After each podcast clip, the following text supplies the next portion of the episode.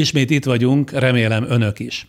Mielőtt belekezdünk mai témánkba, és elkezdünk beszélgetni a mára meghívott vendégemmel, két dologról szólnék. Néhány hete megkértem önöket, ha tudnak bármit is egykori kedvenc riportalanyomról, Lukács Béla elméleti fizikusról, akivel meg annyi interjút készítettem űrkutatás és csillagászat témakörökben, írják meg irodai e-mail címünkre. Jó sokan jelentkeztek, meg annyi részinformációt is kaptunk, amiket ezúttal meg is köszönök, de végül is nyomra Lukács Béla felesége vezetett, akivel az elmúlt években házasodtak össze. Annyit megoszthatok önökkel, hogy Lukács Béla változó egészségi állapotban van, egy erre kijelölt egészségügyi intézményben vigyáznak rá, de sajnos nem valószínű, hogy a közeljövőben interjúra képes állapotba fog kerülni, tehát a legnagyobb sajnálatunkra vele nyilvánosan a közeljövőben nem igen fogunk találkozni. A másik dolog, ami már erről a podcast sorozatról és annak finanszírozásáról szól. Rendszeres nézőink többsége tudja, hogy idén április legvégén indítottuk el ezt a csatornát, mind a YouTube-on, mind a Facebookon, de az Instagramon is, hogy olyan témákról, olyan emberekkel beszélgethessek hétről hétre, amelyek és akik engem, és reménykedtem, talán velem együtt sokakat érdekelnek. A kísérlet olyannyira beválni látszik, hogy az elmúlt időszak közel 20 adása világosan bebizonyította, határozottan van érdeklődés a komoly tartalmak, a mélyebb gondolatok és összefüggések iránt is, legyen szó humán etológiáról, csillagászatról, jövőkutatásról, depresszióról vagy geopolitikáról, de ismert és kevésbé ismert emberek élettörténete iránt is elementáris az érdeklődés. Mindez a számok nyelvén azt jelenti, hogy adásonként általában egy héten belül 120-150 ezer nézőnk van, ami esetenként 3-4 hét alatt 500-600 ezer nézőre is duzzad, de van olyan adásunk is, melynek nézettsége csak a YouTube-on megközelítette, de mire ezt önök látják, már át is lépte az egymilliós megtekintést. Ez a Frey elkészült interjú. Történetesen ezt a hatalmas nézettséget ez a bizonyos frejadásunk kevesebb, mint három hónap alatt érte el. Az eddigi 18 adásunk összmegtekintési száma 6 millió 558 899, és mindez négy hónap alatt de csak a YouTube-on feliratkozott százezer feletti követőnk is egyértelműen azt igazolja, számottevő közönsége van az értelmes szónak és beszédnek az interneten is, illetve egyre inkább már csak az interneten. Ugyan erről az elmúlt négy hónapban nem beszéltem, de tudniuk kell, ezt a vállalkozást magánbefektetésből finanszírozva indítottuk.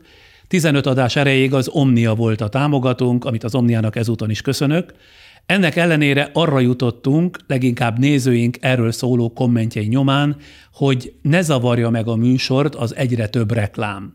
Márpedig ahhoz, hogy fenntartsuk magunkat, sőt ahhoz, hogy előbb vagy utóbb gazdagítsuk is a tartalmi kínálatunkat, amire ugyancsak sok nézőnk buzdít, valamilyen állandó forrás után kell néznünk.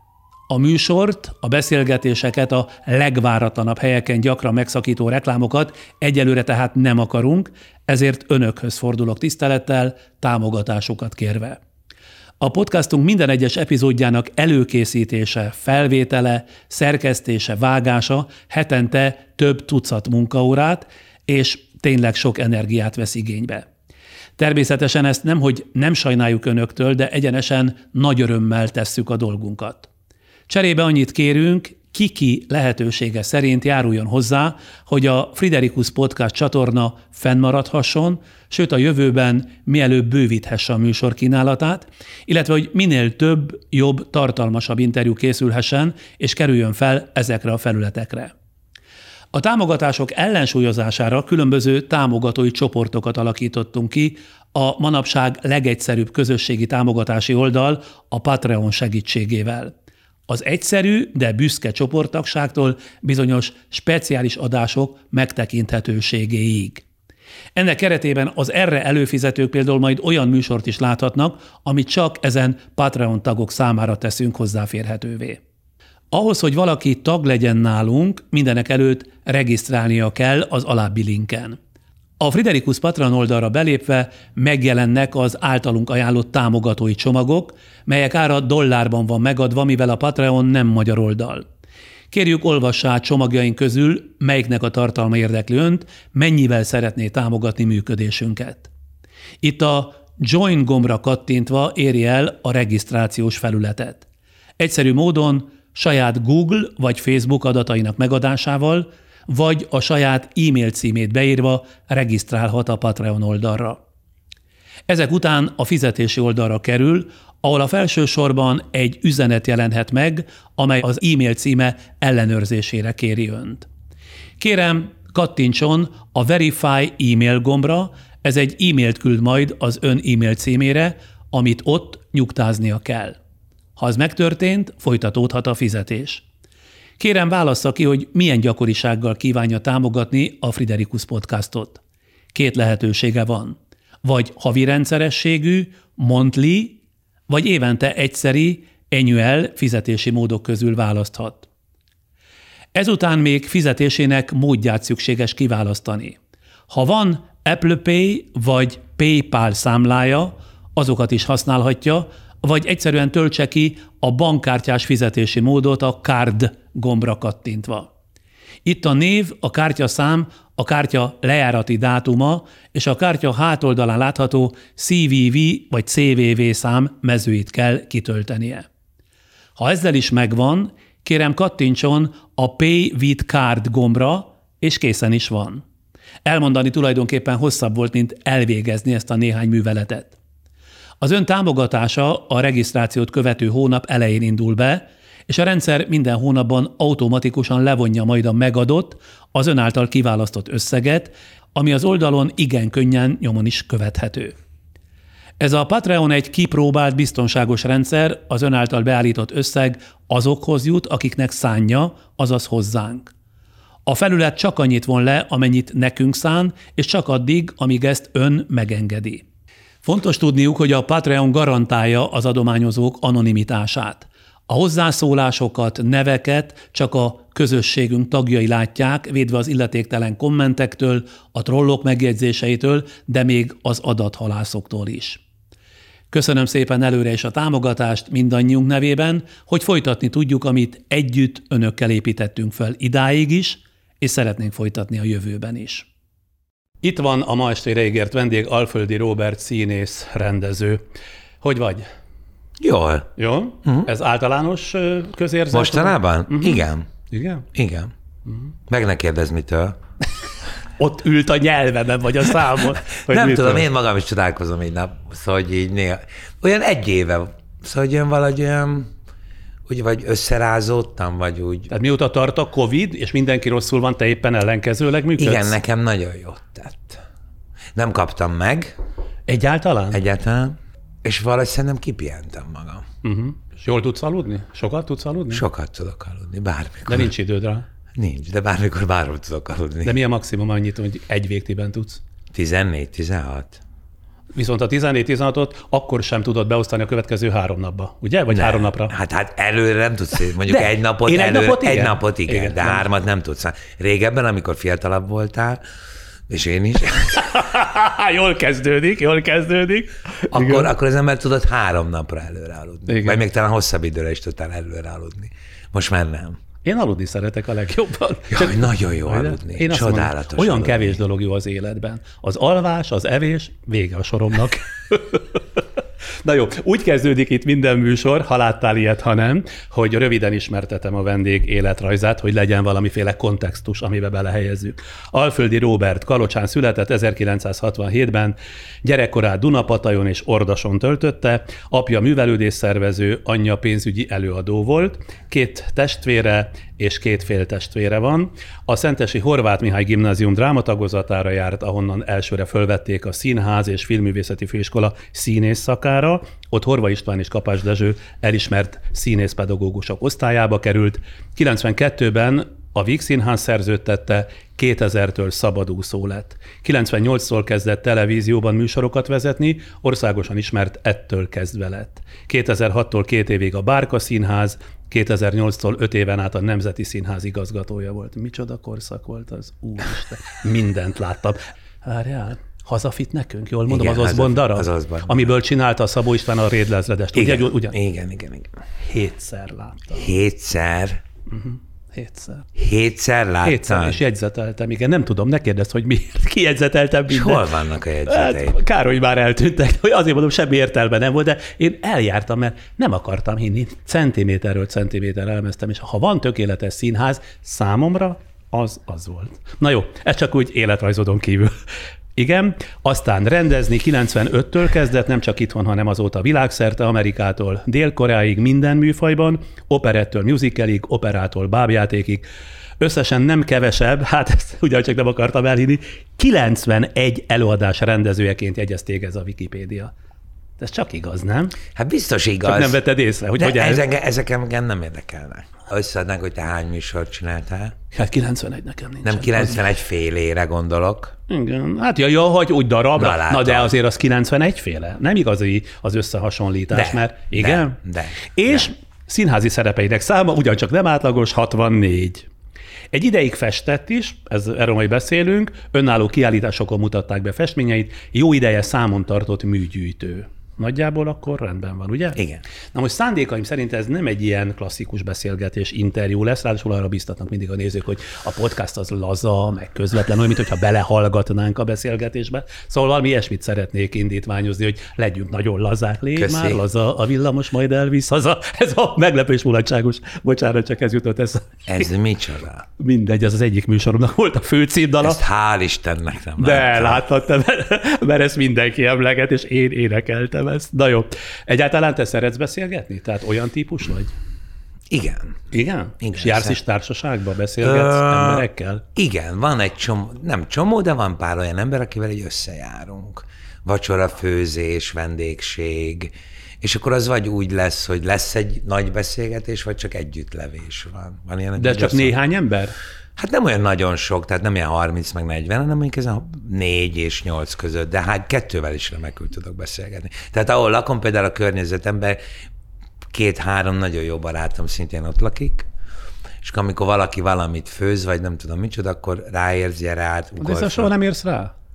Én akartam vele találkozni ezt a beszélgetést megelőzően, és tele volt alap. Oké, csak öt nappal te- korábban. Ne haragudjál. Igen? Két, mondtál két időpontot. Hát jó, hogy szerda vagy csütörtök. nem volt jó. Ja, igen, tudtál volna olyan időpontot mondani, amikor... Mostanában? Igen. Mostanában nem nagyon. Na, hát erről van szó. Ja, de mondtam, csak nem értél Igen, rá. hát, ö- Nem mondtad, hogy nagyon fáradt leszek. Én. Én biztos voltam benne, hogy nem tudunk már akkor használhatóan beszélgetni. Te, és azt nem veted észre az idő múlásával, hogy az ember zárkózottabb lesz, hogy te azért zártál valamennyire? De. És azt mivel Hogy, hogy van magyarázod? ez a mondás, hogy, hogy már nincs barát fölvétel, vagy hogy van, Aha, van, ilyen, nincs haverfelvétel, nincs haverfelvétel. de azt mondjuk egy Igen. kicsit másra használják. Tehát Mire amikor használják? valaki érdekből akar barátkozni, és akkor na nincs haverfelvétel, nem? Ilyen esetre szokták mondani. Nem is biztos, hogy jó szó az, hogy zárkózottabb leszel, hanem valahogy szóval minden áron, meg csak azért, hogy legyen nem. Tehát, hogyha nincs valós tartalma, vagy hogy, hogy nem érzed igazán jól magadat, vagy csak teljesíteni kell, vagy illik, vagy nem tudom micsoda, azokat, azokat én próbál. Tehát azok valahogy úgy kopnak az ember életéből.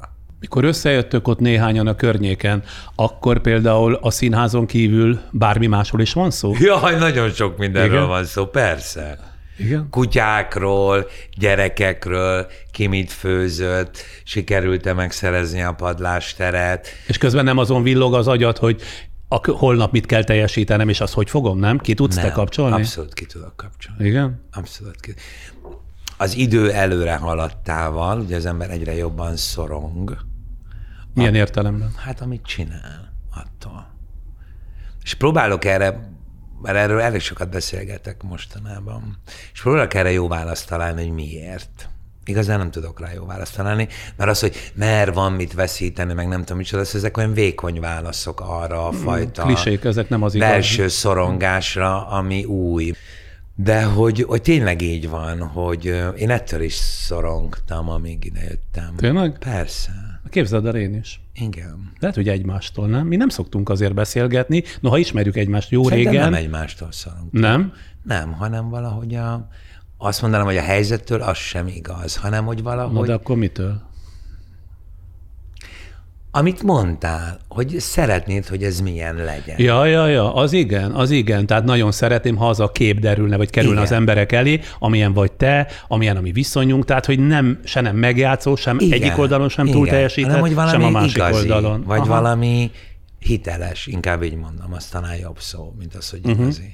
És nem is igazán arról beszélek, hogy vajon, hogy észreveszem-e, ha nem leszek hiteles. Egyébként van olyan, aki kontroll gyakorol körülötted, és még hiszel is neki? Van.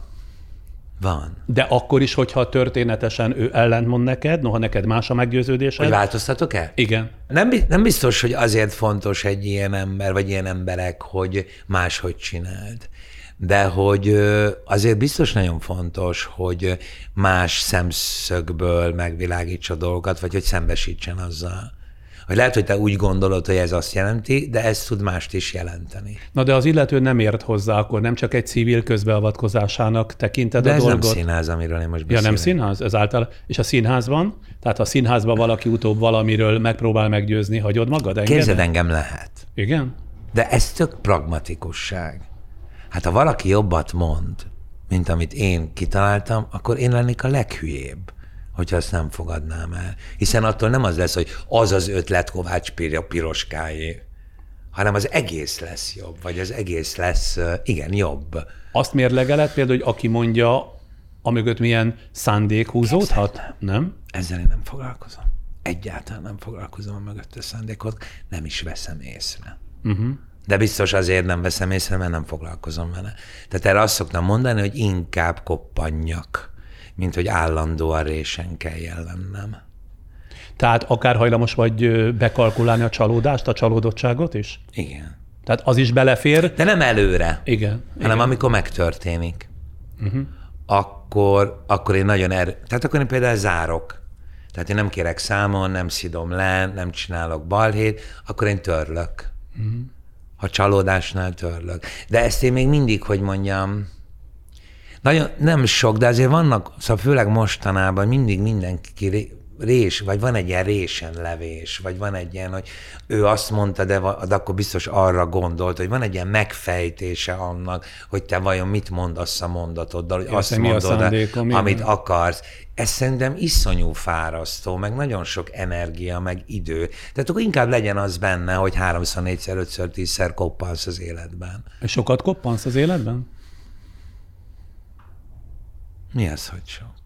Hát mondjuk, hogy egy évben, egy évre hány jut koppanásból, ha egyáltalán vissza tudsz emlékezni mondjuk három éves távlatban, hogy mennyit koppantál? Mondjuk három évre kettő. Hát az nem sok, az belefér. Azt föl lehet dolgozni, nem? Attól függ persze, milyen mély. Nehezen dolgozom fel. Azt akarom kérdezni, hogy te egész életedben Alföldi Robinak készültél? Igen. Színésznek a... és rendezőnek? Igen. A Szentesi Horváth gimnáziumban ugye mind mint minden gimnáziumban készült tabló. És akkor mi azt találtuk ki az osztályjal, hogy új, olyan tablónk lesz, mint egy ilyen színházi színlap.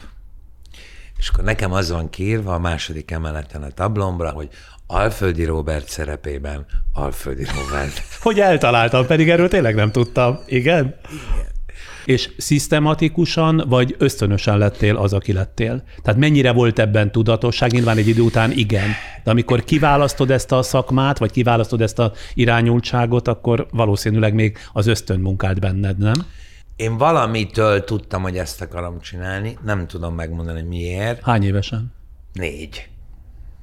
Öt. Na, akkor Oviban. énekeltél, vagy táncoltál? Nem, szín, közöltem, hogy én színész akarok lenni. És amikor az Oviban elvették a Róka szerepét, a Róka és a két medve, bocs, című mesejátékban, mert valami rosszat csináltam. Tehát te, te a Róka, és elvették a Róka elvették, szerepét. Ez, én nem emlékszem rá, anyukám meséli, hogy egy hétig nem keltem ki az ágyból. És akkor uh-huh. persze visszakaptam a Róka szerepét. De nem ezért feküdtem az ágyban, hanem mert összeomlottam. Én valamiért tudtam, hogy ezt akarom csinálni. Én valamiért, tud, én valamiért tudtam ezt az életet, amit én most élek. Már hogy előre? Láttad, nem, vagy nem érezted? Így, hanem, hogy ilyen életet fogok élni.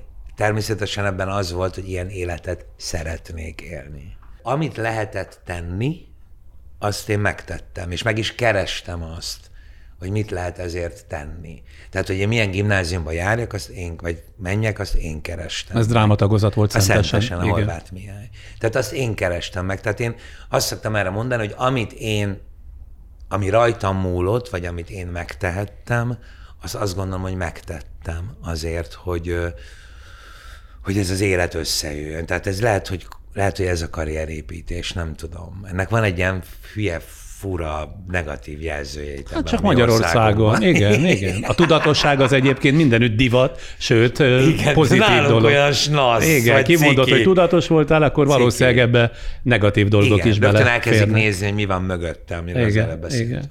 Tehát, hogy én nagyon tudatos is voltam, de én, én mindig próbálom megőrizni az ösztönömet is. Tehát, hogy szoktam ezt a szójátékot hogy ösztönösen vagyok tudatos, és tudatosan vagyok ösztönös, de a, a Beaumont mellett ennek abszolút van igazsága. Nekünk a világváros az Dunaújváros. Igen? Az volt, ahol ha elmentetek, akkor az nagy szó volt. Nem. Nekünk Az úgy- Debrecen, igen. Az úgy volt, hogy ha cipőt kellett venni, akkor először pataj, ott nem nagyon volt, akkor utána kalocsa, ha ott nem kaptunk, akkor már solt, uh-huh. és ha ott sem, akkor a Metropolis, Dunaújváros. Tényleg? Igen. És azt tényleg neked akkor Metropolisnak tűnt? Igen. Igen. Vagyis nem tudom, hogy az volt-e, de hogy ahogy emlegetve volt, meg amilyen ritkán jutottál oda, meg ami olyan, hogy ott aztán már mi biztos, hogy lehet cipőt kapni, attól lett az egész metropolis. Ti szegényen éltetek, vagy ilyen közepes színvonalon? Nem éltünk túl jól, de hogy nem fáztunk, mm. nem éheztünk, de hogy egyáltalán nem éltünk túl jól. Én három idős emberrel nőttem fel. Tehát ugye én, a, én egy ilyen, vagy hát egy ilyen egy éjszakás kalandnak az eredménye vagyok, és akkor az én anyukám az dolgozott, és akkor én a nagyanyámmal, a nagyapámmal és a déd, nagy, déd nagymamá, az ómamival nőttem föl. És, és az csodálatos volt. Tehát ez a három öreg, ez, ez egészen csodálatos, különösen a nagyanyám. Milyen értelemben? Picit azért hülyének voltam nézve, vagy ufónak voltam nézve gyerekkoromban. Ezzel a művészi hajlammal? Igen, meg ez olvasás, meg hogy ügyetlen, meg nem focizik, meg arra beszél, hogy színész lesz, meg mit tudom, mit csinál. És a nagyanyám volt az, és anyámat nem akarom ezzel megbántani, de nagyanyám volt az egyetlen, aki, aki szintén nem tudott erről sok mindent, de ő ezt nem kérdőjelezte meg. Már a vonzódásodat a művészethez, vagy a színászhoz. Igen, tehát a szeretete az teljes mértékben ott volt. Tehát ő erről semmit nem tudott, és semmit nem, nem konyított hozzá, de ő nem tartott hülyének, vagy nem, nem így mondom, nem tartott ufónak. Mm. De és milyen résen tátongott be a művészet a te gyerek életedbe, hogy egyáltalán te erre gondolhattál, hogy színész leszel? Én nem ismertem nagyon sokáig az édesapámat. 28 éves koromig. Azért mesélem ezt a történetet, mert fontos, példaértékűnek tartom az, hogy megoldhatatlan és nagyon fájdalmas történeteket, ha az emberek akarják, akkor nagyon egyszerűen és nagyon nagy szeretettel meg lehet oldani. Ne felejtsd el, azért felnőttnek kell hozzá lenni. Így te van, felnőtt de vagy. felnőttnek kell lenni. De akkor, de felnőttként sem olyan egyszerű. Igen, nem, nem, nem. Na mindegy, és amikor megismer, tehát én nem értettem ezt az egészet, hogy honnan van ez, hogy színház, meg színészet. Nem emlékszem arra, hogy nagyon néztük volna a televíziót, legfeljebb hakni brigádok voltak, színházat 14 éves koromban láttam. Tehát ez nem azért volt, mert láttál valami példát, és akkor ott megtetszett, hanem ez így volt. És akkor kiderült, amikor az apukámmal megismerkedtem, hogy az apukám is színész akart lenni, hogy az ő édesapjában is mocorgott, hogy a három féltestvéremben is mocorgott. Tehát, hogy minden, minden, tudod, ez itt mocorgott az egész családban, és akkor az apám mondta ezt, hogy meg, hát, hogy milyen érdekes az élet. Hogy közben egy ilyen balkézről született gyerekbe jön ez elő, vagy, vagy, vagy teste, vagy, vagy jön létre. Az apám is játszott, van egy fotóm róla, 20 valány évesen valami Moliért játszott Orosházán. Tehát, hogy arról, tehát a család, vagy a, az, igen, hogy mondja, a szüleim azon fel, tehát az apukám részéről, ott ez valahogy van. És akkor lehet arra beszélni, hogy gének, hogy vagy mi van a génekkel. Hát valószínűleg egyébként ez Igen. azoknak a játéka. Igen. A három tesóm, az apukámmal való féltestvérem, az mind a három színész akart lenni. és az apám által nem engedte őket. Micsoda szerencsé, hogy nem éltek együtt. Ugye? Igen, tehát hogy, tehát, hogy, mi, tehát, hogy Igen. szóval, hogy Igen. iszonyú. Az élet nagy játék, vagy nagy kártya Gicses. keverő. Hát gicses, de ugyanakkor azért van Gicses. benne valami szerethető, Gicses. ahogy minden gicsben. Te is, ha téged nem vesznek föl mondjuk a színművészeti főiskolára, egész egyszer mondjuk tehetségtelenség okán, akkor lett volna, vagy volt a fejedben egy B-terv? Nem. Nem? Nem. Kizártnak tartottad, hogy Nem, ne azt nem vegyenek tartottam föl? kizártnak, hogy ne vegyenek föl. De az, hogy mást akarok csinálni, az nem volt. Addig próbálkoztál volna, amíg be nem kerülsz? Ö, azt nem tudom, mert hogy elmentem volna, azt hiszem, hogy is volt? Valahogy Kecskeméten volt valami stúdió, és oda lehetett volna menni, meg azt hiszem, hogy Szegeden is. Tehát, hogy elmentem volna stúdióba. Tehát mm-hmm. elmentem volna színházba, aztán ott majd kiderült volna, hogy hogyan alakul az élet. Tehát, hogy ö, nem tudom, hogy hányszor jelentkeztem volna. Színésznek milyen voltál, milyen vagy? Miért nevetsz? Hát ezt tudnod kell. Hát te pontosan tudod, hiszen Szerintem egyre jobb vagyok. Szerintem egyre jobb vagyok. Volt honnan javítani, csak azt teszem hozzá. De haragudj, az annyira magas labda volt. Egyszer valamiben még nagyon kezdőkorodban láttalak, és már akkor is olyan híred volt, neved volt. És beültem a Pesti színházba, várjál csak, mi volt Mi ez? volt ez? Egy el- hónap falun, Nem, Nagy Romulusz, nem, Rómeus Júlia, nem. utazás az éjszakában, Ó, nagyon mesél a. Bécsi erdő. Nagyon sajnálom, hogy nem jut az eszembe, pedig tényleg kellene, lehet, hogy mindjárt megkeresem. És akkor mindenki azt mondta, azért menjek, nézzem meg Alföldit. Mondjuk két éve voltál színész, vagy egy jó, mondom, jó, jó. A Váci utcában már fölfigyeltem rád, amikor már mentél és akkor is vonultál. Tehát volt egy, hogy mondjam, senki nem kísér, de mintha sávot húztál volna. Körülbelül ez így nézett ki. Ez a nagy kabát Szanyi miatt. A nagy kabát, a kabát Volt egy csodálatos kabátom, Igen. teljesen váratlanul találtam a Váci utcában, valami teveszőr kabát volt, Mi az, hogy iszonyatos. találtad a Váci Hát, utcában? így Egy meglát- padra le volt téve? Nem, így megláttam Ja, ja, egy kirakatban. kirakatban, és akkor iszonyú drága volt, és hogy OTP részletre vásároltam meg. A nagy kabátod? Gyönyörű kabát Viszont volt. utána jól kihasználtad. Gyönyörű, és vele az ellopták, egyszer föltörték a pincét, és ellopták. Nagyon szép kabát volt. Nagyon szép. A kabátra már látod, nem emlékszem, de arra az előadása, igen, megnéztem, és mondtam, mi ebben az olyan csodálatos. Tehát ezért mondtam, hogy volt honnan javítanod. De egyébként ez így van. Szerintem ez így van. Az ember, ahogy idősödik és érik, biztos vagyok benne, hogy a színészet az egy olyan mesterség, hogy csak jobb lehet. Tehát rosszabb nem hiszem, vagy van erre is példa, hogy valaki meg visszafelé fejlődik? Tényleg? Mhm. Tehát az már kijátszotta magát, és úgy látszik, már nincsen közlendője. Van. Igen? Van. És azt mind méred le, hogy egyre jobb vagy. Mi igazolja azt neked vissza? Erre vagyok kíváncsi. Vala, valahogy finomabb cuccokat tudok csinálni a nézőkkel. Tehát nem tudom, hogy a néző így gondolja, egy jobb színész vagyok-e. De mondd ezt, légy szíves úgy, hogy értsem én, aki a nézőtéren vagyok, hogyha te ö, játszol, akkor mit veszek észre? Hogy egy csomó, sokkal több finomságot tudok közvetíteni, vagy sokkal rétegzettebb dolgot tudok közvetíteni, akár, akár gondolatilag, vagy akár érzelmileg. Mondok egy példát, hogy Na, a az jó Vekerdinek, nem tudok olyan példát, amit vársz. Van a Vekerdi Tamásnak a, az Elmi Mester tanítása egy című könyve, ami ugye nagyjából a no színész és a no színházat vizsgálja. És abban van egy nagyon érdekes dolog, ugye ez a, az a japán nószínész, ez egészen kisgyerekkorától képzik, és hosszú-hosszú évtizedekig nem is engedik színpadra, és aztán azt hiszem 30 valány éves korában megy először színpadra, és 80-90 addig játszik, amíg, amíg él. És ott írja a, a Vekerdi, hogyha mondjuk azt, tehát mondjuk a, szín, mondjuk a színészi alakítás az tíz egység, akkor a fiatal vagy, vagy fiatalabb vagy, és kevesebb tudásod van, akkor a tíz egységből hetet kiengedsz, és hármat bent tartasz. Uh-huh. És minél idősebb vagy, el kell oda jutni, hogy hármat engedj ki, és hetet tarts bent. Hát akkor lehet ez ennyire tudatos, hogy ezt olvasod a Vekerdinél, és megpróbáltad ennek megfelelően áthangolni magad, Én nem, nem? vagyok ennyire Nem? tudatos. Sándor. nem? Há, Mitől lesz valaki nagy színész? Mi ennek az attribútuma? mitől lesz valaki nagy, Nagy színész, színész? mhm. Hogy ezt a közlést, ezt nagyon mélyen és nagyon egyénien tudja közvetíteni. Tehát mondjuk a legegyszerűbb példát mondom meg a legkézenfekvőbb. Törőcsik Mari ugye nagy színész volt, mind a ketten ebben megállapodunk. Mi volt neki az a plusz, ami most nem akarok színésznőket mondani? A sűrítés. Tehát ha Mari elmondott egy mondatot, abban volt 4 millió mondat. És mégse szanaszét tartott. És én, mint néző, ezt hogyan írom jóvá? Hogy mit érzékelek ebből?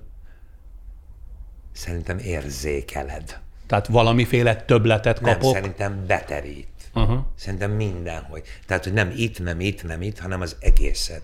Az, él, az emberek élményétől lesz valaki nagy színész. Tehát hiába nevezel ki valakit nagy színésznek, hiába kap most Kossuth fődíjat és nem tudom micsodát, nem most, úgy általában. Ne politizáljuk, de majd fogunk. Attól ez nem lesz nagy színész. Az emberekben válik valaki nagy színész. Uh-huh. Egyébként el lehet unni a színészetet? Nagyon! Mert te ezt sok helyen mondtad, hogy amikor eluntad a színészetet, elmentél rendezőnek, ami szerintem azért nem volt egészen igaz, mert a 64 szerep a rendezéssel párhuzamosan, legalábbis a java, mm-hmm. akkor jött létre. Rosszul látod. Én most, most, most ez nem igaz, mert most ilyen színészi másodvirágzásom topzódásában Ezt mondom, vagyok. hogy továbbra is. Akkor félreértetted. Nem, abszolút volt egy 8-10 év, amikor nagyon keveset játszottam. Nem hiányzott, nem panaszképpen mondom. De te akartad úgy? Mert eluntad? Nem, így alakult. Ja. Így alakult. Biztos, hogy én közvetítettem magamból valamit, amitől ez így alakult, de, de a nemzetet, a, nem kimondtam a nevét, szóval hogy a, a, az állami vállalat vezetése után lett az, hogy egyszer csak így felfedeződtem újra színésznek. Nem is mondott ki már a nemzeti nevét? Soha nem szoktam kimondani. De miért? Mert sírni fogok, amint kimondom a nevét. Még mindig ennyire eleven? Nem. Igen, hogy eleven.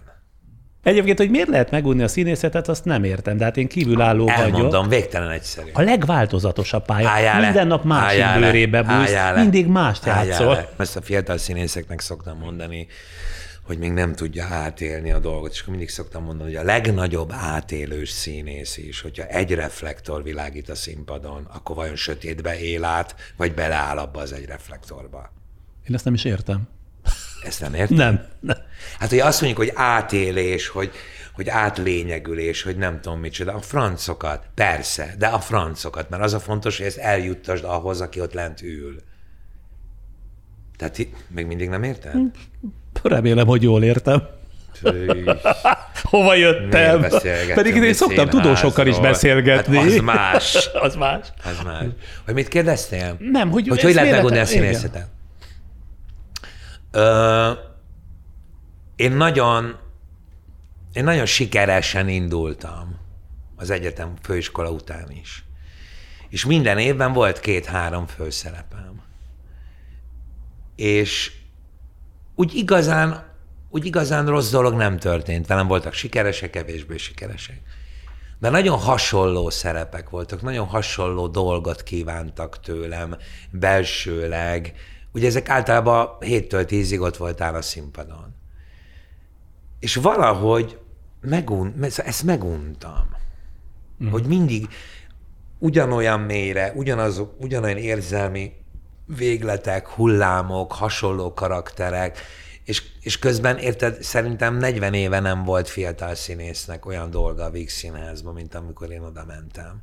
Mert nem csak az volt, hogy a Marton, a Marton nagyon szeretett, hanem hogy a társulat is egy pillanat alatt befogadott. Egy pillanat alatt, még oda sem mentem, már be voltam. Olyan átütő voltál? Én mondhatod. Nem, mondhatod. Hát ne áll szerint. Főiskolán elég sikeres voltam. Szóval így figyeltek. Oscar Wilde, eszembe jutott, abban láttalak. Az egyik legnagyobb sikerem volt. Azt hittem, végre megtaláltam a szerzőt. Az, az a nagy szemérmetlenség, az, az volt a címe. Az volt, a nagy szemérmetlenség. Igen. Az egyik hát, legnagyobb sikerem. Lehet, hogy még nem volt begyakorolva, meg nem voltál elég sűrű, de abban én nem úgy emlékeztem. Tényleg? Tényleg? Az jó volt? Az nagyon jó Akkor volt. De volt az önkritikát kell. Az egyetlen, akinek ez nem tetszett. Na de nem adtam ennek hangot, vártam 25 évet vele, ezt értékelheted. És a jó színész az rendezőnek is jó? Nem. Ez nem, nem következik Szerintem belőle, nem. hogyha nagyon sok tapasztalatot összeszed az ember. Bár te olyan sok tapasztalatot nem szedtél össze, mert 95 óta rendezel, ugye jól mondom, tehát 28 éves voltál hát akkor. És hát 6 éve a pályán voltam. Igen, de azért mondom, hogy tehát olyan sok tapasztalatod azért nem volt. Tehát magyarul nem a színészetből, magamat cáfolom ezzel, nem, nem, nem a, színészetből, színészetből következik, nem. hogy valaki jó rendező nem. lesz az oly, Nekem az olyan volt, hogy mondom, picit untam magamat, ami, egy, ami igazándiból egy nagyon nagy képű hülye duma hogy egy 28 éves színész a Víg színházban unja magát, mert minden évben játszik két-három főszerepet. De mégis így volt. És a Martonnak ezt annyira, annyira sajnálom, hogy ezt nem tudtam akkor elmondani. Mert nem értettem, hogy miért jöttem el. Mert például az, hogy én rendezhettem, az a Lacinak köszönhető. Voltam 28, bementem tanárról, írtam darabot, megrendezhetem, mondta, Rovikám, persze. Valaki egyszer azt mondta rólad, tanult színész és ösztönös rendező vagy. Látsz ebben a sommás meghatározásban valamennyi igazságot? Még egyszer. Tehát tanult színész és ösztönös rendező. Ez nem is tudom, hogy jó indulatú vagy rossz indulatú megközelítés. Én a rendezőről azt gondolom, hogy az vízió, vizionál a szó legszebb értelmében. Tehát, hogy az valahogy létrejön, kitalálódik, megérzik, összeáll ő benne egy nagyon külön világ. Minden egyes előad, minden egyes darabnál egy külön világ. Tehát, hogy vízionál egy világot. És mindig att, attól függ egy előadás, ez sem igaz, amit mondok, de amikor egy előadást csinálunk, akkor mindig az a kérdés, hogy ezt a víziódat, ezt a nem létező világot, ami csak benned van, ezt vajon meg tudod-e úgy csinálni, át tudod-e úgy adni azoknak az embereknek, akikkel csinálod, hogy ez létrejöjjön a valóságban is, ne csak benned. Ez mi kell? Mert azért itt van most a legutóbbi bemutató, a West Side Story, rengeteg embert mozgattál, iszonyú mennyiségű szereplő. Víziót ennyi embernek átadni hogyan megy? Csodálatosan. De hogy? Mit csinálsz? Magyarázol róla hosszan? Azt tudom átadni, hogy ez nagyon fontos, hogy ez nekem nagyon fontos, hogy ez nagyon fontos dologról beszél. Megpróbálok nagyon-nagyon-nagyon odafigyelni mindenkire. És azt szoktam erre mondani, hogy az első héten vagy el tudod csábítani az embereidet, vagy nem. És hogyha el tudod csábítani, biztos, hogy a szenvedélyeddel tudod elcsábítani. Azt Szenvedélyes pasi vagy még mindig. Azt Ez azért látszik. Átadni. Ahogy elkezdesz szakmáról beszélni, nem csak szakmáról, izzasz. Ez olyan érdekes. Ebben az életkorban nem mint olyan idős lenni, de nem szoktak már ennyire izzani a felnőttek. Hát mit csinálnak? Beletörődtek a mint sorsukba. Én, miért? Én, hát mi, én nem izzok, hát most izzak én is úgy, mint te. Mi lesz akkor ebből? Érted? Nekem muszáj van, hogy terelgetni ezt. Bár te is tudnál riportot, hiszen riporter is voltál Jaj, a televízió. nem Portrékat csinál. Én nem, én csak mondom, hogy csináltam. Persze, ja, nem, Mondjuk nem, annyiszor én nem lép, én annyiszor nem léptem föl színpadra, mint ahányszor te riporter voltál, de hát úgy látszik a magabiztosság belőle hiányzott a tekintetben. Ugye? Szoktam gondolkodni, amikor riporteré válnak színészek, hogy miféle magabiztosság Nem kell voltam ahhoz. én riporter, soha, de soha nem voltam ilyen riporter. Portrékat csináltál, Robikám. Beszélgettem műfajilag akkor is be kell sorolni valahova. Na, nagyon speciális dolog volt, hiszen azok az emberek azért beszélgettek velem úgy, ahogy beszélgettek. Nagy színészekkel, ugye a kollég, emlékszem? Igen, mert a kollégájuk voltam. Mert egy másmilyen viszonyban voltam velük, mint egy ilyen átlag riporter. Tehát az... az... Rámutattál? Jól láttam? Visszakapod, az, van még időkre. Az ebből a szempontból egy nagyon speciális dolog uh-huh. volt.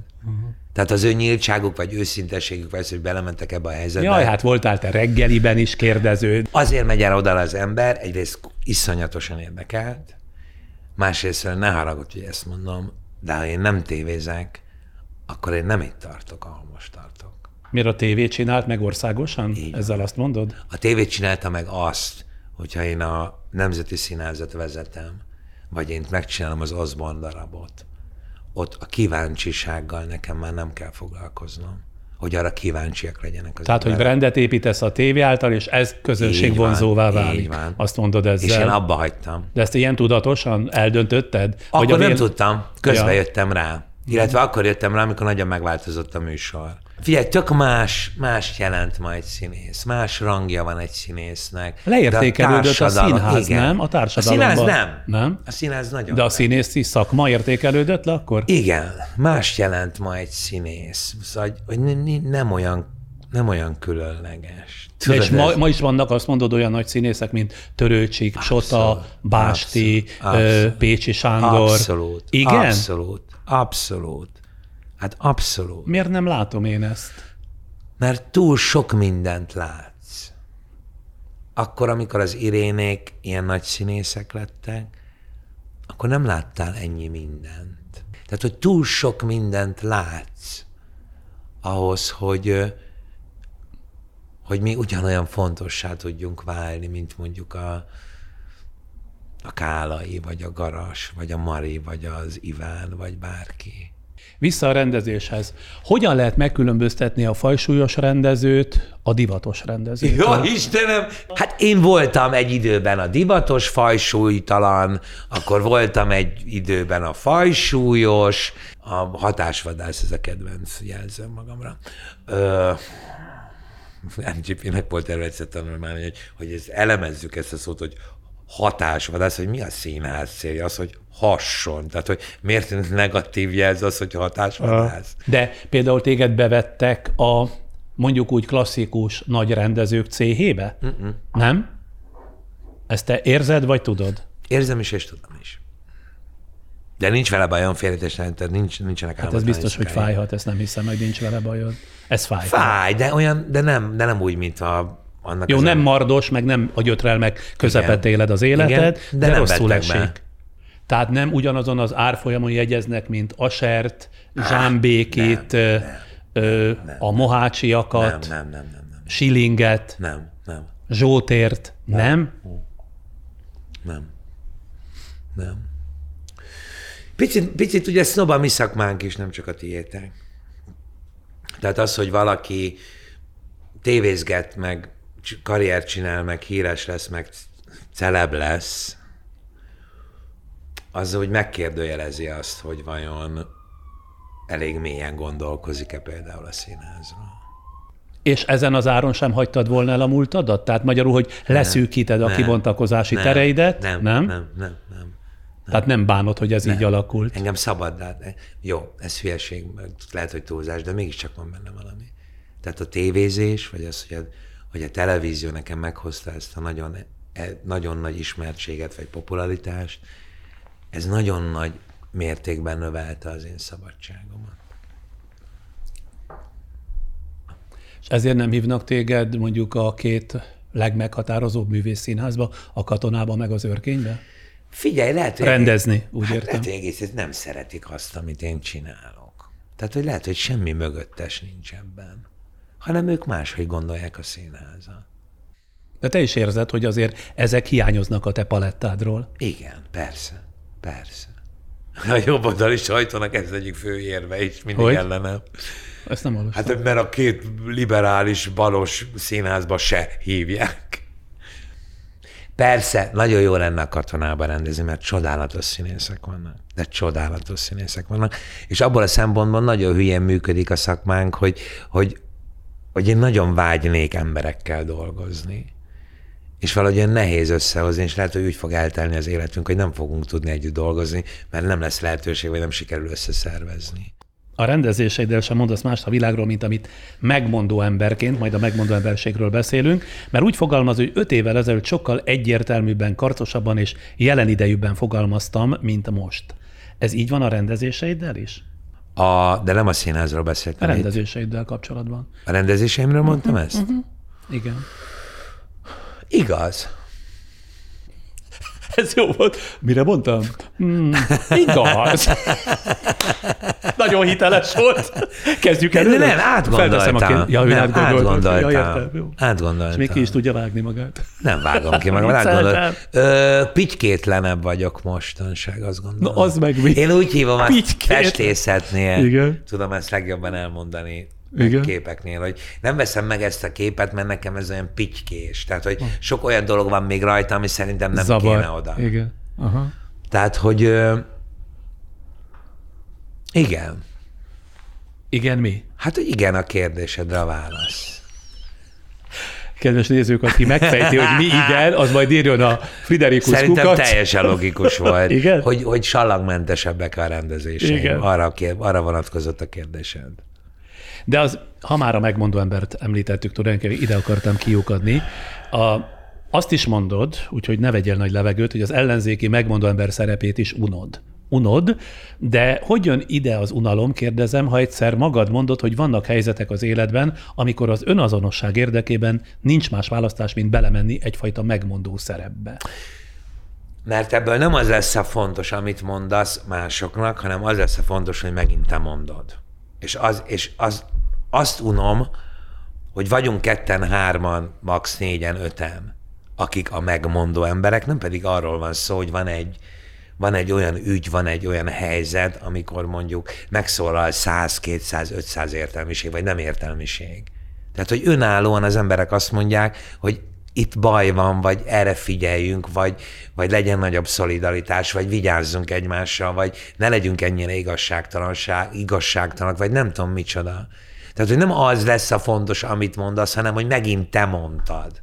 Azt tudom. Uh-huh. Mert ettől súlytalanná válik, amit mondasz.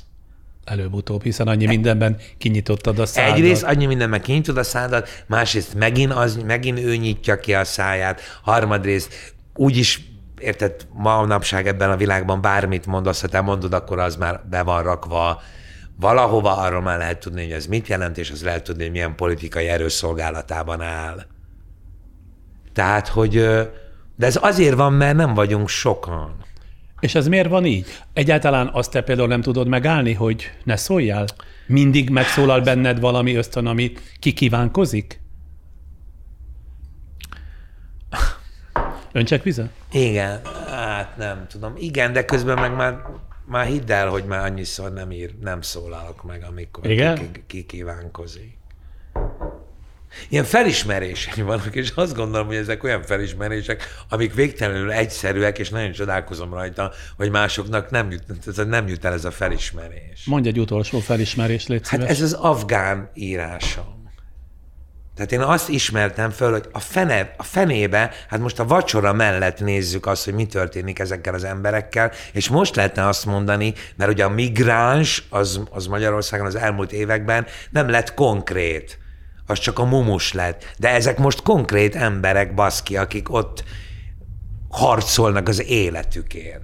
És azt gondoltam, hogy ez egy nagyon egyszerű fölismerés, hogy most ezt föl lehetne mutatni, hogy kedves magyar honfitársaim, ez a migráns tehát nem a mobiltelefonos terrorista a migráns, aki megerőszakolja a 90-es éves, 90-es parasztnénit, hanem ő a migráns, aki a gyerekét megpróbálja baszki átdobni egy szöges úton, hogy hát, ha jobb élete lesz.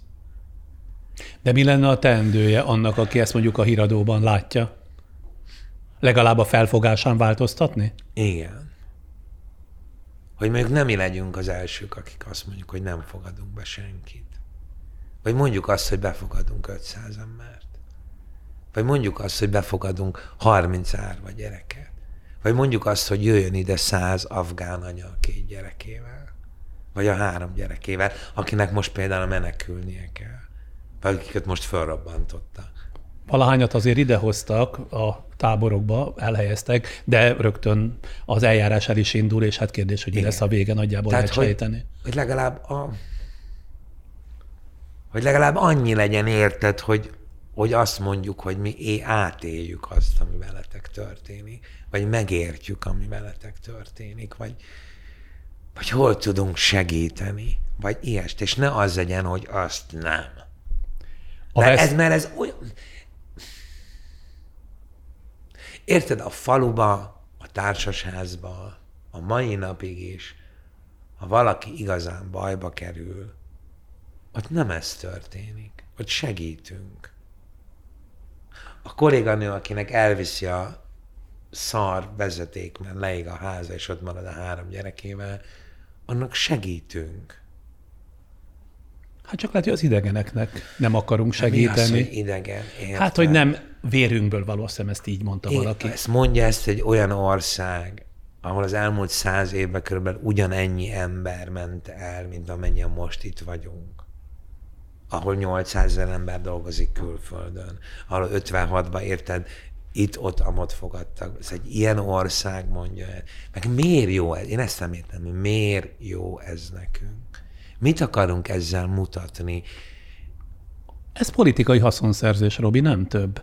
Azt mérték föl, hogy a magyar emberek egy jelentős része már úgy lett, úgy lett átállítva, hogy idegengyűlölő, hogy nem kell ide, épp elég a mi problémánk, épp elegen vagyunk. Ezt kimérték, és ennek a politikai praktikumnak megfelel a politika. Ilyen egyszerű. De hol a humánum? Hát, ez egy másik kérdés. De hol a humánum? Szerintem sincsen olyan politikai hatalmi játszma, amiben nem szól bele, vagy nem elsősorban az ember Egy a helyzetben. humánumra appellál, és Igen. majd csak utána a politikai Igen. praktikára. Szóval Én az is így hol gondolom. van?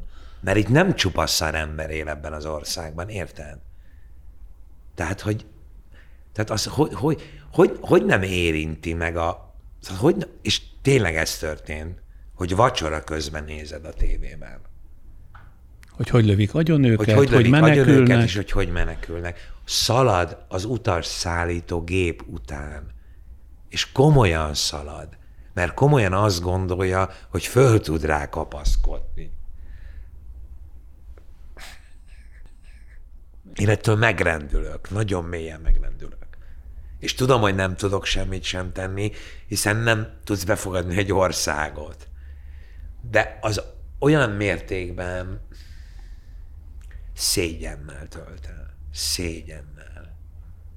Hogy nekünk az a legfontosabb, hogy azt mondjuk, hogy ők ne, és oldják meg. Mondom egy olyan országért, amit a világ mentett meg 56-ban, vagy meg nem tudom mikor. És lehet, hogy biztos ez is túlzás, és nincsenek pontos történelmi izé, tény tudásom, de hát mégiscsak ezt azért tanultuk. Én ezt nem, egész egyszerűen nem értem. Pár napja mutatták be rendezéseden a West Side Story-t Jaj. a Szegedi Szabadtérén, ahol, vagy amelynek nyomán Kovács Bálint, a HVG kritikusa azt írta, az írás legvégét idézem, az összes többi műelemzés, és abban nem szívesen megyek bele. Az írás így zárul. A néhány még ilyen körülmények között is túlzásnak ható rendezői ötlet mellett is, itt a lényeg, átjön az előadás béke és szeretetpárti, gyűlölködés ellene sosem elcsépelt, sosem túlhangsúlyozható üzenete. És ez talán fontosabb minden másnál, egy 5000 fős nézőtér előtt kiállni a pusztító hergelés ellen, kevés ennél humanistább és méltányolhatóbb dolog képzelhető el a színházban.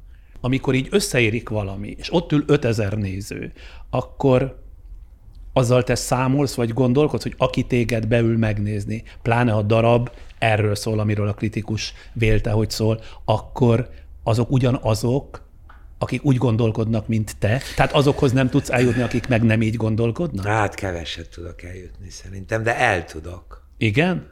Néha sikerül. És akkor egyenként akarod feldolgozni az ellenséget? Igazán, Ez azt jelenti? de az, az, a Bucinak, az Andrásnak van egy, nagyon szép történet. Stól Andrásnak. Igen, hogy a, hogy a, az őrült nőket eljött, nagy nehezen eljött megnézni egy barátja, aki hát enyhén szólva is homofób volt.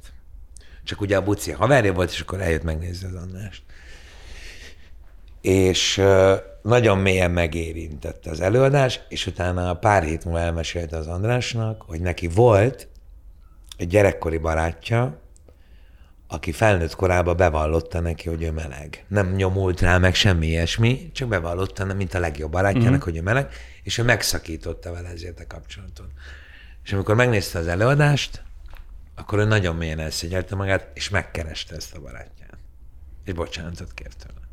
És ha már van egy ilyen történet, az a... visszamenőleg indokolja Igen. az egészet, ugye? Igen. Igen. Uh-huh.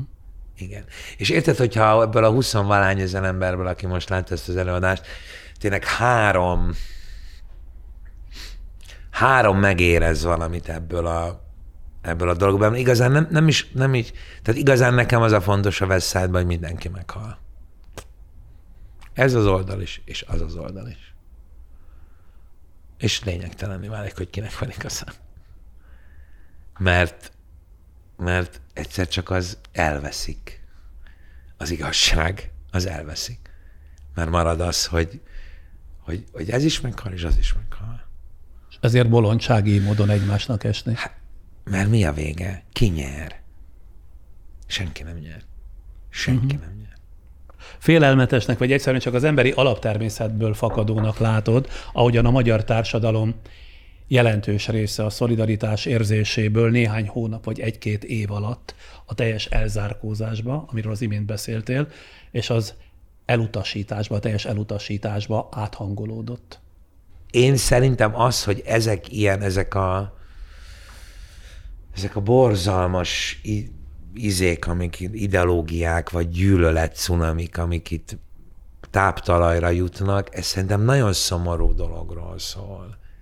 Ez a, ez, a, ez, a, ez a magyar társadalom szorongásáról, a magyar társadalom sok ember félelméről, bizonytalanságáról, kommunikáció képtelenségéről szól.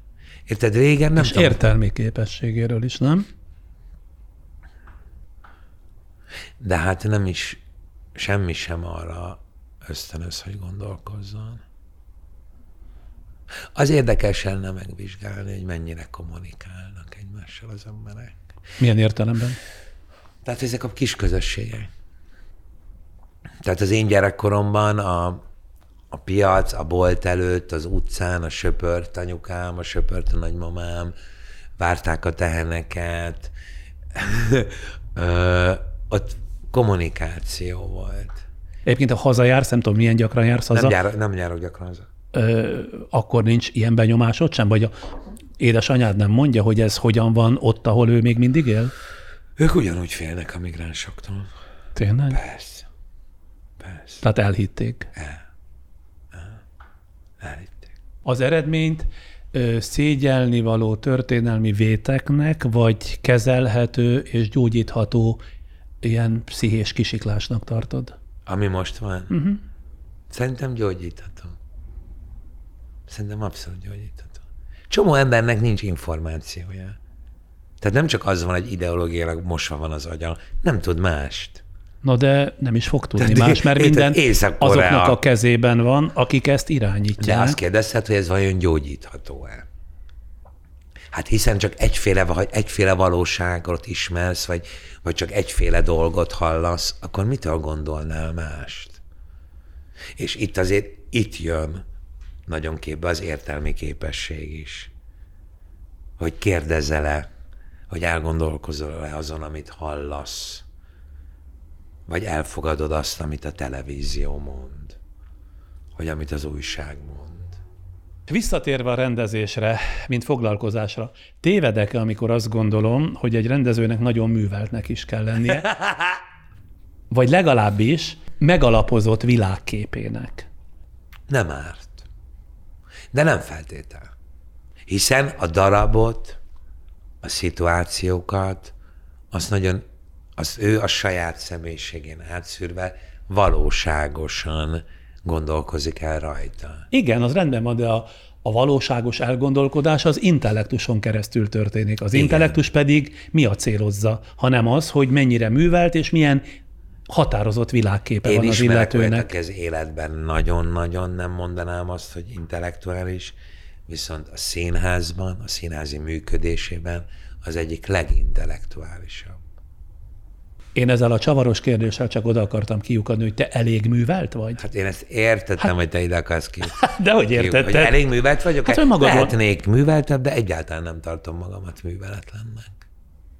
Miből táplálkozik a te intellektusod? Tehát Érdeklődés, mi az, ami... beszélgetés, olvasás, nézés, nyomozás, keresés, utána nézés, meg hogy, hogy amennyire tudok, Hát, hogy figyelek. Hogy figyelek. És az neked elég, azt mondod? Én azt gondolom, hogy igen. És ennek természetesen belejárója az, hogy, hogy olvasó ember vagyok, de azt olvasom, ami érdekel. És abból ugyanúgy tudok meríteni. Van időd arra, hogy felvegyél legalább annyit, mint amit utána ki is adsz, vagy le is adsz? Engem sok minden érdekel, ami nem a színház. És az nagyon feltölt. Úgy, mint? Például nagyon érdekel a képzőművészet. Nagyon-nagyon-nagyon. És ugye egyre tágabb részei. Tehát például mondjuk most a pandémia alatt iszonyúan elkezdett érdekelni a magyar folklór, a népművészet. Találkoztam egy házas párral, akiknek van egy nagyon nagy gyűjteménye, amit megnéztem, és elájultam, hogy mennyire modern a magyar népművészet. De a 150-200 évvel ezelőtti. Tehát, hogy a csákvári szilkék, azok tökéletesen ugyanaz a gondolkodás, mint a Bakimre 70-es évek beli festményei. És aztán elkezdett ez így érdekelni, hogy mondjuk az 1700-as évek elejé gyertyamártoknak a mintája az a leg, tehát itt ez az Antonio Tapies, tehát hogy, tehát, hogy ez ugyanazok a, ugyanaz a motivumkincs, ugyanaz mozgatja. Tehát a Gyertya Mártó festőmestert ugyanaz a belső szabadság és alkotásvágy mozgatja, mint mondjuk a 70-es években ezeket a expresszioni, vagy a bécsi expressionistákat. Vannak-e kétségeid magaddal kapcsolatban? Persze. De nem olyan kétségeim vannak, amik arra ösztönöznek, hogy mondjuk tehát a kétségeim nem állítanak meg. És a kétségeidet például megosztod azzal a szűk körrel, akivel meg, kapcsolatot persze, tartasz? Persze. És keresel rá választ, hogy azért igen, így úgy, de igen, igen, igen, hát mert együtt sokkal könnyebb a kétségekre megtalálni a választ. Vagy, vagy együtt, vagy másik más emberekkel sokkal könnyebb megoldást találni a, azokra a problémákra, amikről úgy érzed, hogy nem tudod megoldani. És az miért van az, hogy te munkából munkába rohansz? Most Igen. csak mondd el azt, hogy, hogy mi ez? Igény van rád. Igen, igény van rád. Igen, ezzel egyetértek, de tudnál ellent is állni, hogy most ezt nem vállalod. És sok mindent nem vállalok el. Na de hát ugye ez jól, jól mondom, hogy láncszolatban dolgozol. Nézd, nagyon furcsa, amit most mondok, és erre azt fogod, hogy így ráncolni fogod a szemöldöködött, ahogy szoktál. Én szeretek jól élni. És félrejtés ne én nem nagyon csinálok olyat, amit nem szeretnék csinálni, de ahhoz, hogy én úgy éljek, ahogy én szeretek élni, az sokat kell dolgozni. Ennyit kell dolgozni. Ennyit kell dolgozni. Tehát, hogyha megengedheted magadnak, mert bőven lenne a hátad mögött tartalék, akkor te nem dolgoznál ennyit, azt mondod? Nem tudok Ezt erre válaszolni, hiszem. mert most például amiket dolgozom, azok mind nagyon érdekelnek. Tehát nagyon érdekel a Szegedi Színház, vagy úgy megdaná darab, amit a Szikszai Rémusz rendez. Nem dolgoztam a Rémusszal. És abban te szerepet játszol, főszerepet? Igen, igen, és van egy olyan szerep, ami nagyon jó. Akkor ugye most lesz a jegyzőkönyv bemutató, ezt még a pandémia előtt csináltuk. Egy nagyon fontos amerikai darabnak tartom, ami arról szól, hogy hogyan használjuk és próbáljuk meg úgy fordítani a történelmet, ahogy éppen a jelen pillanatban a kis képviselőtestületnek szüksége van rá. Mert ez nagyon érdekel. A Veszágy nagyon érdekel. Tehát, hogy pekhem van, mert csupa olyan dolog, de ez egyébként nem olyan, de ez mostában nagyon így van. Szóval csupa ilyen nagyon olyan dolog van, ami nagyon érdekel. Hogy a Székely Csaba öröm és boldogságát szintén megcsináltuk Budaörsön a pandémia előtt, amit én nagyon fontos előadásnak tartok. Van bármi más az életedben, mint a színház? Képzőművészet, a kutyám, a, a családom, növényeim, Csodálatos növényeim Tényleg? Dzsungel van nálam. Igen? Dzsungel. Növényházat tartasz? De Annyira? nem tartok növényházat, egy belvárosi lakás harmadik, vagy belvárosi bérház harmadik emeletén lakom. Csak nagyon sok növényem van. Két óráig locsolok, amikor meleg van. És azért lett ennyi színház, mert igazából senki semmi más nem érdekelt ennyire, vagy fordítva. Mert senki semmi más nem akadt, de a színház az nagyon, ezért az betöltötte az életedet. Én nagyon nem szeretem azt, hogy én egyedül ének. Én nagyon nem szeretem. Ö, valahogy nem jön össze. Két éve volt valami nagyon komoly, amit igazán elcsesztem. Elcsesztem, de azért, hogyha kicsit úgy megvizsgálnak, akkor biztos, hogy a mélyén az lenne, hogy, hogy vajon mennyi időt lehet bírni egy olyan emberrel, aki, akinek ennyire fontos a munkája, illetve nem is az a nehéz ebben, hanem aki, hát ezt neked nem kell mondani, tehát aki ennyire ismert, vagy ez rossz hogy ismert.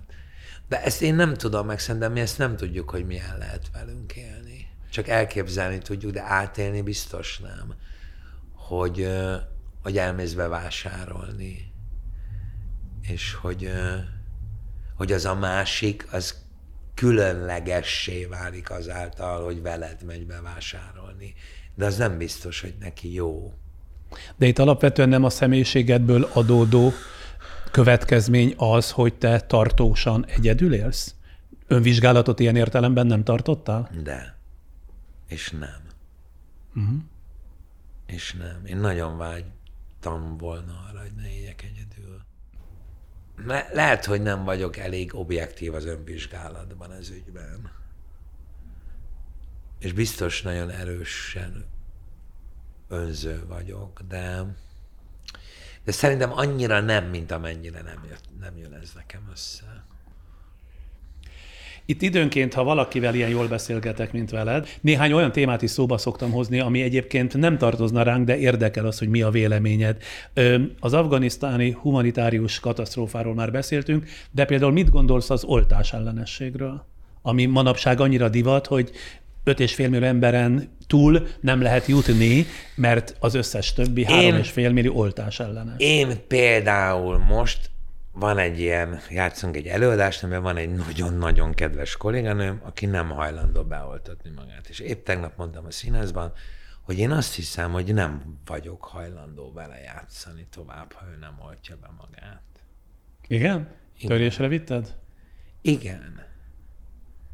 Mert hogy, nem, nem, mert hogy nem csak arról van szó, hogy és most lehet, hogy pont rosszat fogok mondani, mert aki oltást kapott, az is el tudja még kapni a vírust. Tehát nem arról van szó, hogy aki be van oltva, az nincs veszélyben, csak az, aki nincs beoltva. Akkor most mi lesz? Leveszik a darabot, nem, nem tudom, mi lesz, játszani? persze nem, mert nagyon szeretem ezt a kollégimát, tehát nem fogom én ezt. De hogy komolyan ezen, erről beszélgettem tegnap a színházban, hogy a kvázi vezetőség. Na de látod, világmértékben eluralta a gondolkodást az, hogy ez a vakcina, ez egy manipuláció, és még annyi variáció van, nem is akarom végigmondani, mert nem akarok hírt kelteni, de hogy Alapvetően... De figyelj, amikor mi, most hú, nagyon radikális leszek, tehát amikor mi gyerekek voltunk, akkor az választható volt. hogy volt. Az engem sokkal jobban irritál, hogy valaki oltás ellenes, és közben utána fel van áborodva, hogy bár megszorítások vannak az ő életében. Az engem sokkal jobban fel. Mert a oltáskor maradjon otthon. Nem tudom, hogy mennyire követed a világpolitikát, egy hónap múlva Németországban választás lesz, és Angela Merkel 16 év után elköszön a kancellári széktől.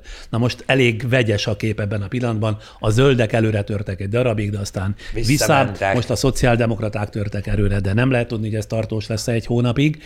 Európa minden esetre elköszön egy fantasztikusan nagy politikusától és nem lehet tudni, hogy Európa sorsa innentől kezdve mi lesz. Ez eltölte téged bármiféle aggodalommal, vagy ezzel te nem, törődsz? Mert én azt gondolom, hogy ez elég gyenge vezető, aki lesz Németországban, ha így lesz.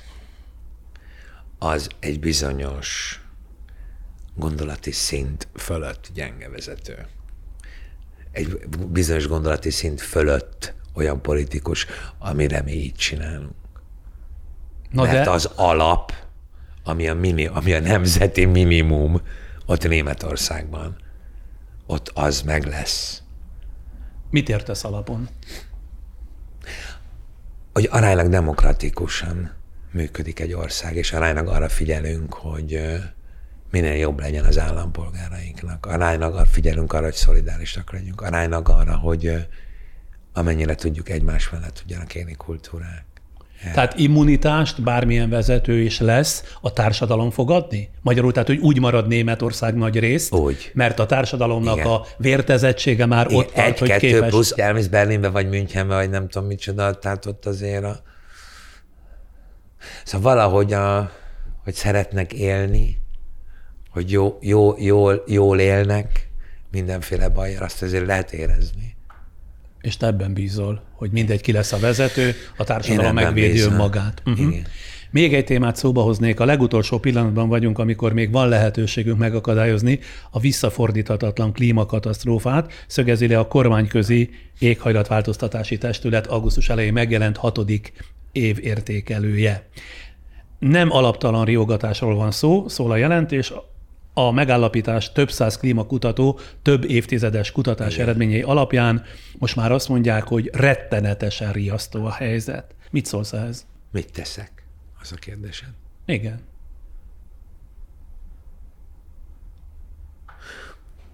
Pici dolgokat teszek. És pont ezután kezdtem el ezt csinálni. Azaz? Például, úgy mostan mindig fogat, hogy közben folyt a víz. Tehát, hogy, hogy kinyitod a vízcsapot, aláteszed az elektromos fogkefét, rányomod a fogkrémet, és akkor mosod a fogadat az elektromos fogkef, és addig folyt a víz. És most már nem folyik. De sok, sok pici ilyen van, hogy most már nagy, most már egyáltalán szóval csak olyan dolgot veszek, ami zöld. Tehát Kis lépés egy embernek, nagy lépés az emberiségnek. Igen, tehát a mosószerekben, nem tudom micsodákban. Igen? Csak a zöld békást. Bármennyire, mondjuk én elég gézé vagyok, hogy... Te jársz a boltba, és akkor válogatsz a mosókorok között?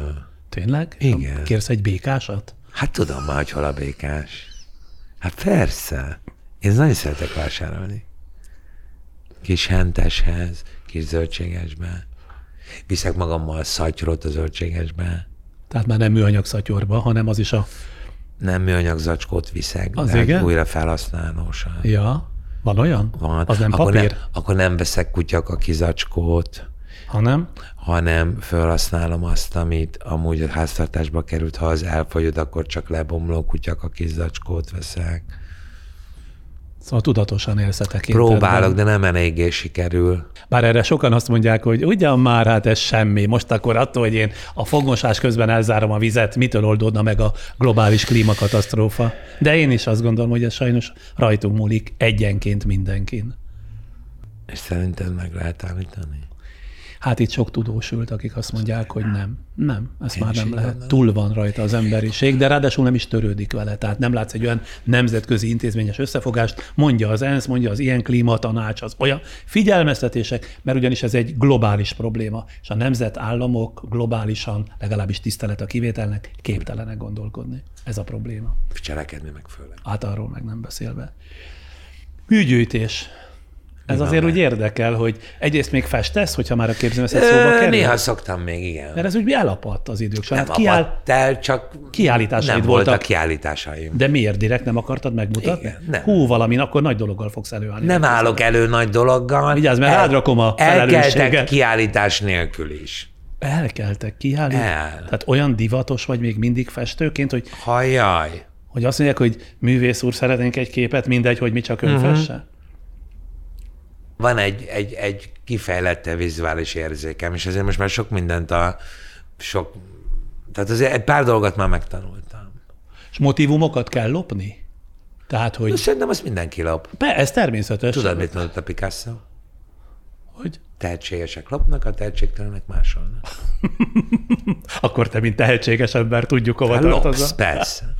És most, lesz egy, most lesz egy nagyon különös és csodálatos aukció, egy alapítvány javára, akik állami gondozott gyerekeket vigyáznak rájuk évtizedekig, stb. És a világszép alapítvány, és az lesz egy olyan különleges aukció, hogy 20 képzőművészt megkerestünk, és mindenki kvázi kapott egy gyerkőcöt, illetve egy gyerkőc történetét. És akkor ebből amik lettek. És ott például megfestettem életem első vászonképét. És drágán kellnek el az alföldi képek? Nem kell kimondani az árat? Igen? Igen. És még te panaszkodsz arra, hogy neked mennyit kell dolgozni. Festményei sokért kellnek, a rendezésé és megkéred gondolom az áradat, vagy nem? Meg, de azért az nem annyira sok pénz. Nem? Az nem olyan sok pénz. De nem élsz nagy lábon. Nem is, is időd nagy lábon élni. Hmm, mit jelent az, hogy nagy lábon élek? Szerintem te a pénzedet, amennyire én tudom, a képzőművészetbe forgatod Igen. vissza, tehát műalkotásokba. Igen. Igen. Amikor ezt először láttam, arra gyanakodtam, hogy talán ez ilyen befektetés, de nem. nem. Ez műélvezet. Abszolút Viszont a szenvedély. műélvezet, ugye? Szenvedély. Műélvezet pénzé tud válni adott ponton, ha éppen úgy gondolnád, de hát nem gondolod úgy, hanem. Hát volt már arra eset. Hogy? Hát mondjuk az elmúlt másfél évben volt olyan helyzet, hogy eladtam. Képeket? Ha? És Képet. rengeteg képpel a falaidon élsz? Tehát körbe vagy véve? Elég sokkal, igen. Elég sokkal. És tudod azt csinálni, hogy leülsz, és csak úgy nézegeted? Igen. Zene szól, egy kis bor, hangulat, Igen, nem és iszom akkor... bort, és nem is kezd zene. Én nagyon bírom, én, én nagyon rá tudok csodálkozni év, tíz év után is egy képre, ami ott van. Egyszer egy öreg műgyűjtő azt mondta, hogy ne nevet vegyél, hanem képet. És De ez nagyon mondat. így van. És ez nagyon így van. Szeretek fölfedezni fiatalokat, de szeretek fölfedezni időseket. Tehát kortársat is gyűjtesz bőven? Igen. Hát nem bőven, de most uh-huh. így azt is.